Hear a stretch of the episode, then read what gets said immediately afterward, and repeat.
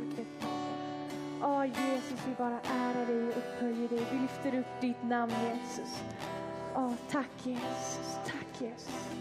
Vi bara ärar dig för den som du är Fader. Tack Jesus, tack Jesus. Tack Jesus. Amen.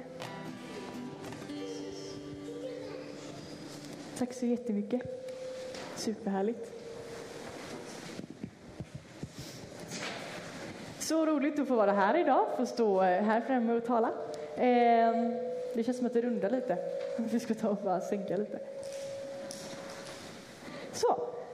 Ehm, för er som inte känner mig så heter jag Emilia. Jag är uppvuxen här i församlingen.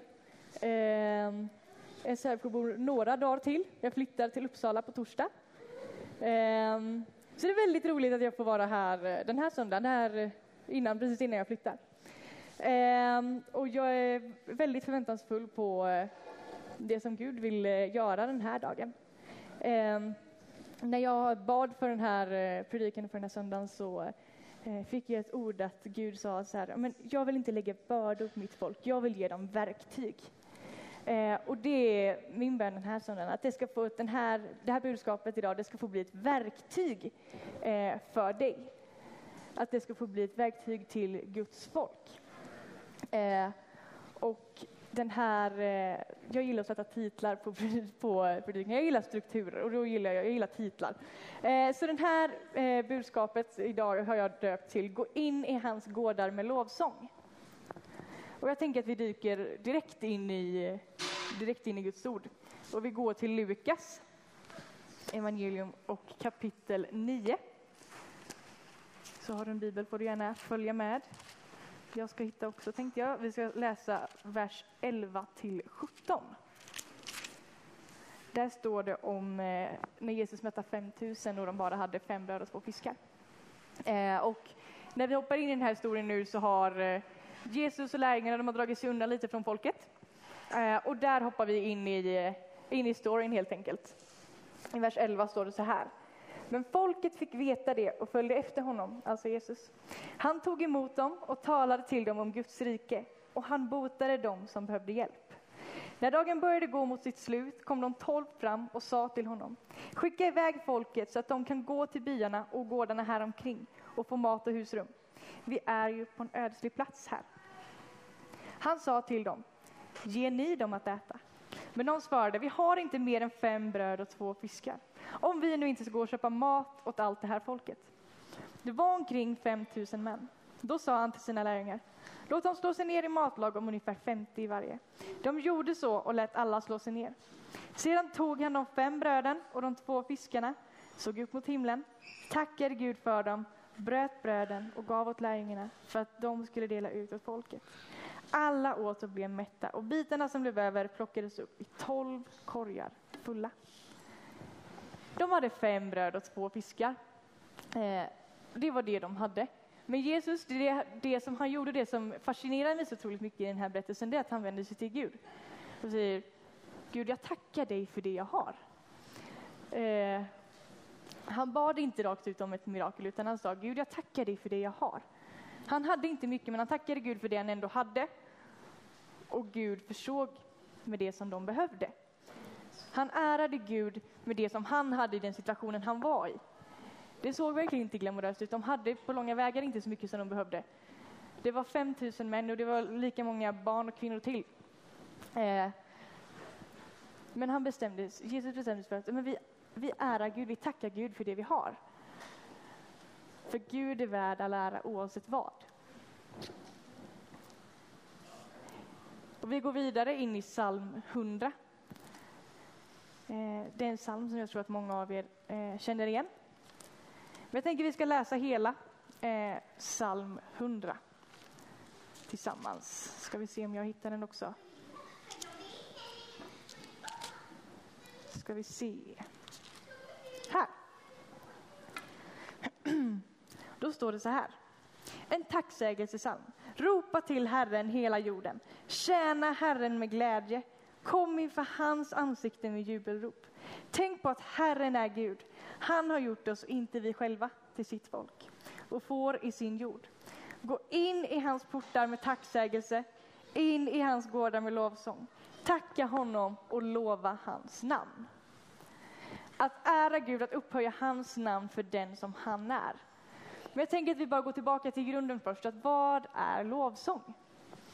Det första som poppar upp i ditt huvud, eller i alla fall i mitt, eh, är när vi samlas här i församlingen och sjunger lovsång tillsammans.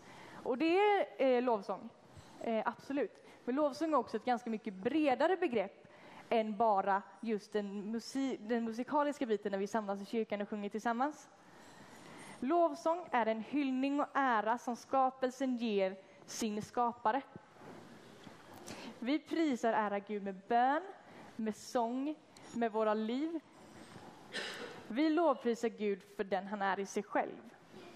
Inte först och främst för det som våra känslor säger. Ibland så är våra känslor eh, att vi känner liksom att, att vi känner på att prisa Gud. Ibland gör vi inte det. Och vi prisar inte bara Gud för att vi är tacksamma för det han gjorde på korset, men vi prisar först och främst Gud för den som han är. Och det är också, som jag sa, ett väldigt mycket bredare begrepp. Det kan handla om att vi kan ära Gud genom hur vi fattar våra beslut, både i stort och smått. Det kan vara att vi väljer att lägga undan saker för att ära honom. Genom att visa tålamod, genom vårt sätt att hälsa på människor. Det är väldigt, väldigt brett. Genom att leva ett liv i kärlek gentemot människor runt omkring oss. Så vi behöver inte lovsjunga Gud eller ära honom bara på söndagen när vi är här. Vi kan få ära Gud hela veckan. Och vi behöver inte alltid bara heller ära Gud för att våra känslor säger att vi vill ära Gud. Vi kan få ära Gud även när våra känslor säger någonting annat. Och vi behöver inte heller placera in lovsång i en box, att det ser ut på ett visst sätt. Det är mycket bredare än så. För lovsång kan se så olika ut beroende på vilka vi är och omständigheter kan ju också påverka.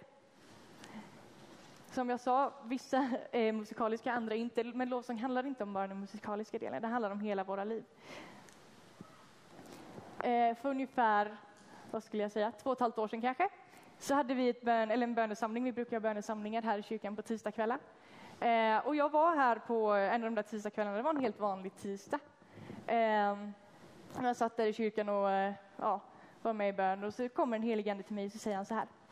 Emilia, om du skulle förlora din sångröst, skulle du fortfarande se dig själv som en lovsångare då? Om du skulle liksom förlora din musikaliska sida av dig själv, skulle du fortfarande se dig själv som en lovsångare då? Och jag blev lite chockad av den där frågan och, liksom och, sådär. och den frågan satte igång en process i mig.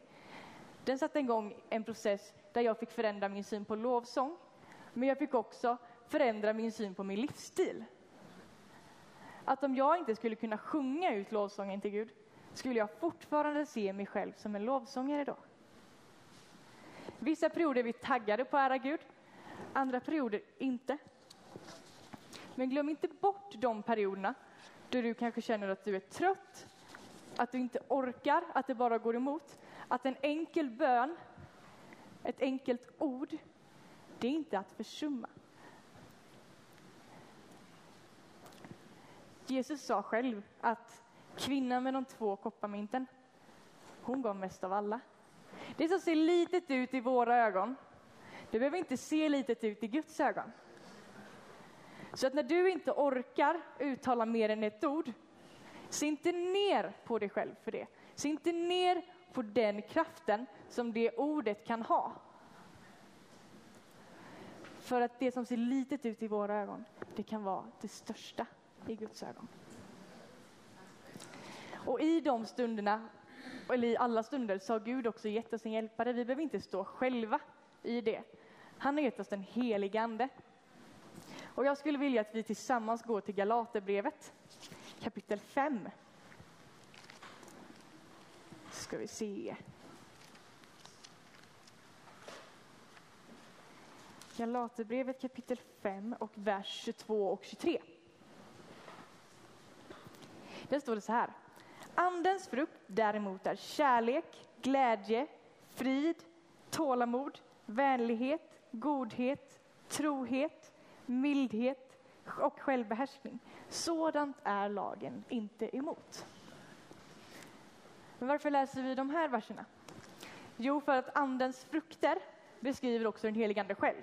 Man kan inte ge vidare någonting som man själv inte har, eller hur? Och även om det är frukter så betyder det också att någonting måste sås först. Om du sår pumpa så växer det inte upp ett äppelträd. Hänger ni med? Utan det som den helige Ande sår in i oss och blir till god frukt, det beskriver också den helige Ande själv.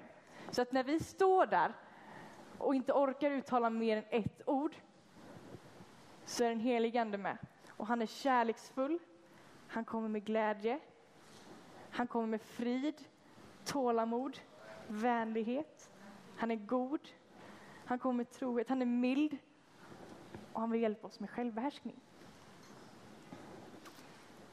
Så att när du står där så står du ändå inte själv.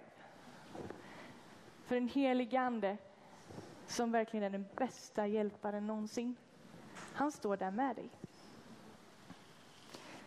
Vilket betyder att vi kan gå in i hans gårdar med lovsång oavsett omständigheterna. Vi kan välja att ära Gud oavsett vad.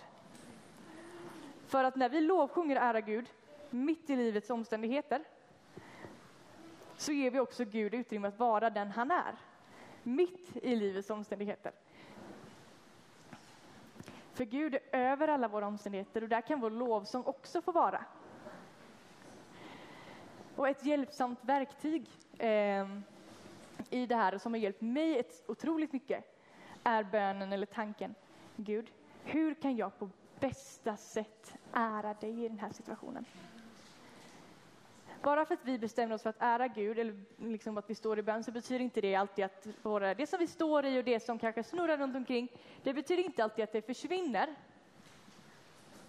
Men vi kan välja att fästa vår blick över det. Och den bönen har varit livsförvandlande för mig. När jag har befunnit mig i svåra situationer, jag kanske blivit sårad eller jag kanske befunnit mig i någon annan klurig situation som jag inte riktigt vet hur jag ska hantera, eller att mina känslor spelar mig ett spratt, då har den bönen varit eh, livsförvandlande för mig. Det har varit en sån enorm nyckel. Att Gud, hur kan jag på bästa sätt ära dig i den här situationen? För att livet går upp och ner. Ibland så står vi där. Men att vi ändå kan få fästa blicken högre upp. Det har hjälpt mig att lyfta blicken från mina omständigheter till Gud som den heliga och mäktiga Gud han är. Det hjälper oss, det har åtminstone hjälpt mig, att bibehålla sunda perspektiv. Att även när allting snurrar och man varken vet ut eller in så har det gett mig andra perspektiv på omständigheterna. Det får inte alltid omständigheterna att flytta på sig, men vi kan få se på, våran, på våra liv med Guds ögon istället för med våra egna ögon. Jag har vuxit upp med en hörselnedsättning, jag, vet inte, jag tror många av er vet det, eller jag har den fortfarande. eh, och den påverkar mig ganska mycket i min vardag på många olika sätt. Eh, och jag väntar och jag ber och jag så tro för den dagen som jag får ett helande, den dagen som jag får full hörsel i mina öron. Och jag har sagt till Gud att den dagen och framåt, då ska jag bara ära Gud med det. Jag ska berätta för människor om det som Gud har gjort. Men jag har också bestämt mig för att fram till den dagen så ska den här situationen som jag befinner mig i nu, den ska få bli till Guds ära. Att fram till den dagen och varje dag fram tills dess så ska det få peka på honom. Så att oavsett om jag får ett helande här på jorden eller om jag får det när jag kommer in i himlen så ska det bli till Guds ära. Och det har gett mig kraften att fortsätta gå. Och jag, när jag fick ge den situationen till honom och säga att du får göra vad du vill, så började jag också se hur vardagsmiraklen eh, hur de liksom verkligen kom fram. De hade varit där innan också, men jag hade inte sett dem. Och jag har också fått berätta för människor i olika sammanhang om det som Gud gör. Och hela situationen får bli till Guds ära. Lovsången får oss att lyfta blicken och Gud blir vårt fokus. Det som vi står i, det finns fortfarande med i bilden. Liksom. Det finns fortfarande där, men lite mer i periferin och Gud blir i fokus.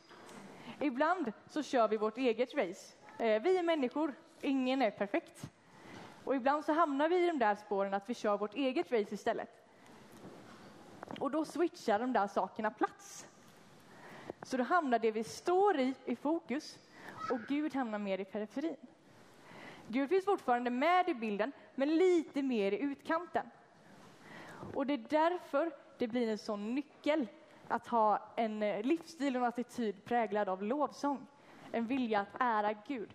För när vi bestämmer oss för att ära Gud, då hamnar också Gud i mitten. Och det betyder inte alltid att allting flyttar på sig.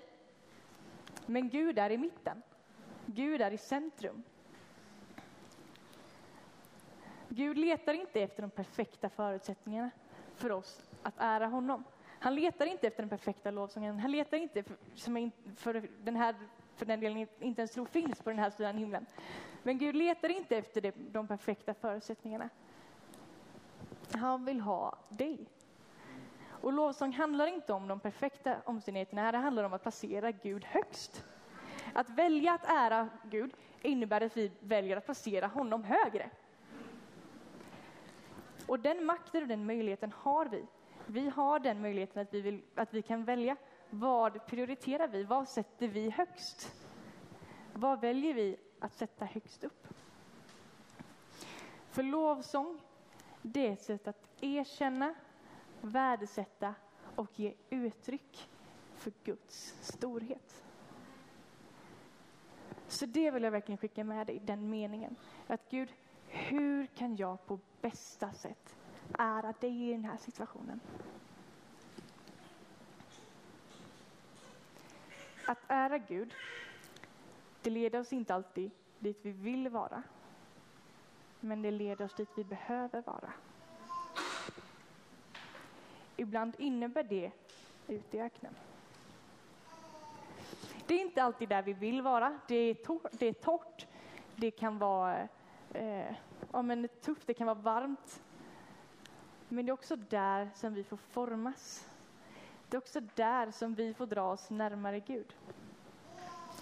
Det är där vi inser ännu mer att vi behöver vara beroende av Gud, att vi är beroende av Gud för att kunna ta nästa steg.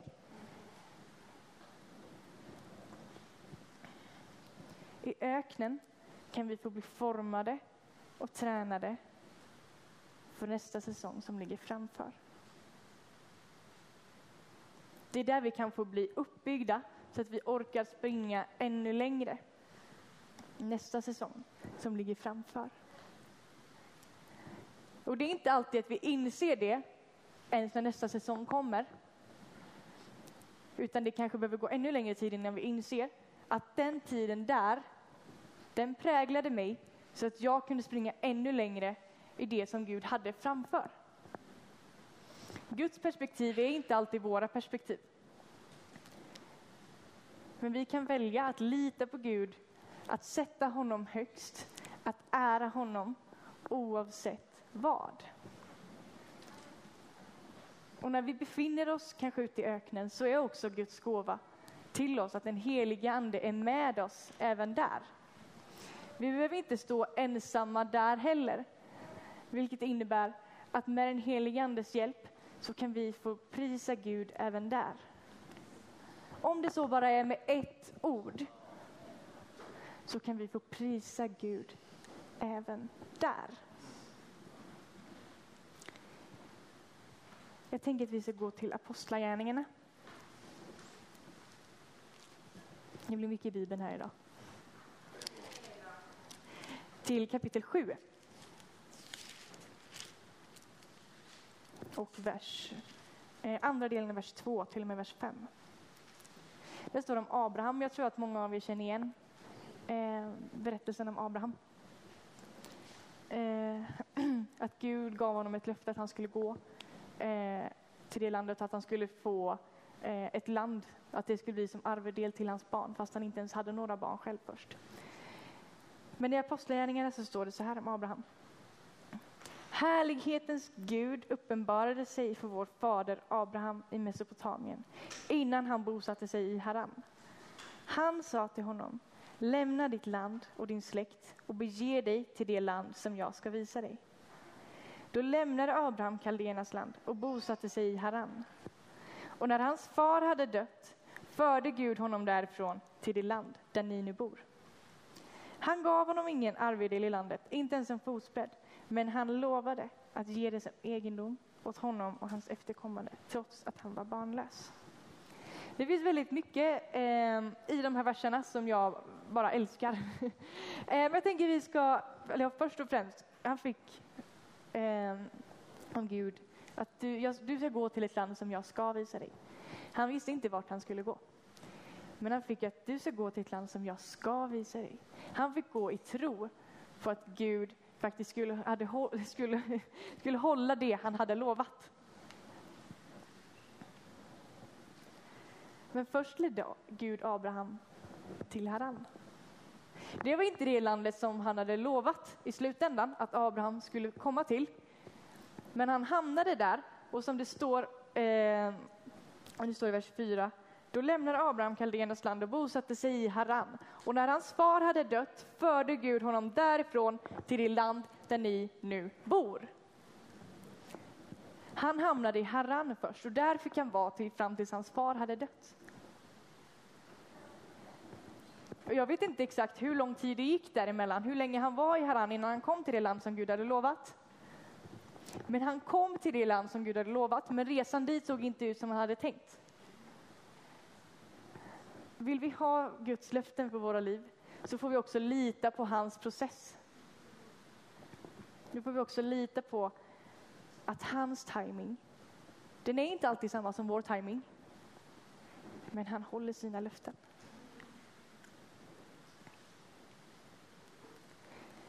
Lovsångaren, ni kan ta och komma upp. När jag kom tillbaka från bibelskolan så eh, eh, var jag, det var pandemin, det var liksom rörigt, det gick inte att resa. Eh, men jag, eh, jag älskar mission och det är det jag vill, eh, det är det jag vill jobba med. Eh, och så kom jag tillbaka hit och eh, jag var jättetaggad på att få resa ut på missionsfältet. Och så gick det inte att resa. Och jag bara, nej, nej. Och hade någon sagt till mig där och då att jag skulle vara kvar i Sverige över tre år och att jag skulle vara kvar i Sävsjö i över tre år, då hade jag inte blivit glad. Så kan jag ju säga. Då hade jag inte blivit glad. Sävsjö eh, och Sverige, det blev som mitt Haran. Och nu leder Gud mig in i någonting annat. Jag vet inte exakt vad, jag vet vart jag ska bo och vart jag ska jobba. Och sen vet jag inte mer. Men det som jag vill ställa fråga till dig och mig idag är, fortsätter våran lovsång även när vi befinner oss i vårt haram, Även när vi befinner oss i de här mellanperioderna, så vi inte riktigt vet vad vi ska göra med. Fortsätter våran lovsång även de dagarna? Att vara lovsångare, det är inte säsongsbundet. Det är en livsstil.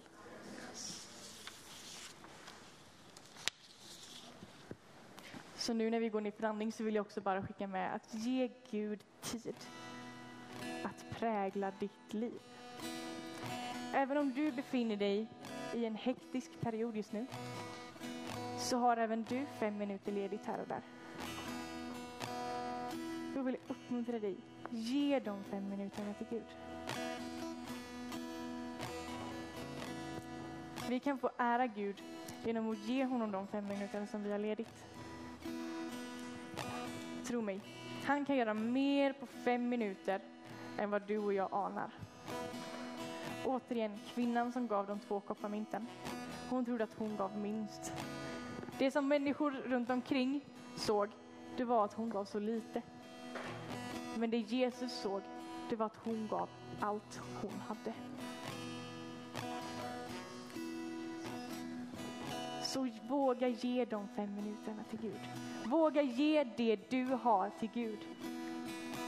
Våga tacka Gud för det som du har där du är. Det är lätt att vi ser det vi inte har, men börja tacka Gud för det som du har där du är.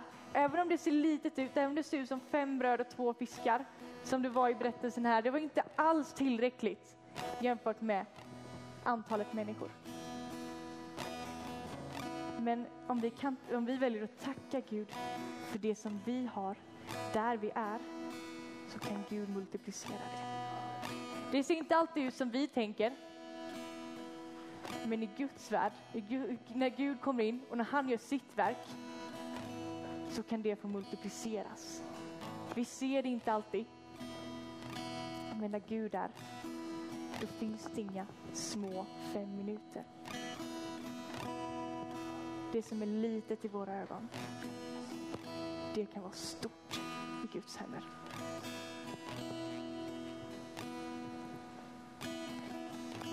Vi ska ta och lovsjunga lite här tillsammans igen och bara upphöja Gud för den som han är. Ära honom för det som han gör, för den han är. Vi kommer också eh, öppna upp för förbön. Känner du att jag vill att någon ber för mig, det kan vara vad som helst, så vill jag jättegärna be. Så vi öppnar upp för förbön här framme och vi ärar Gud en stund. Eh, och bara upphöja hans namn.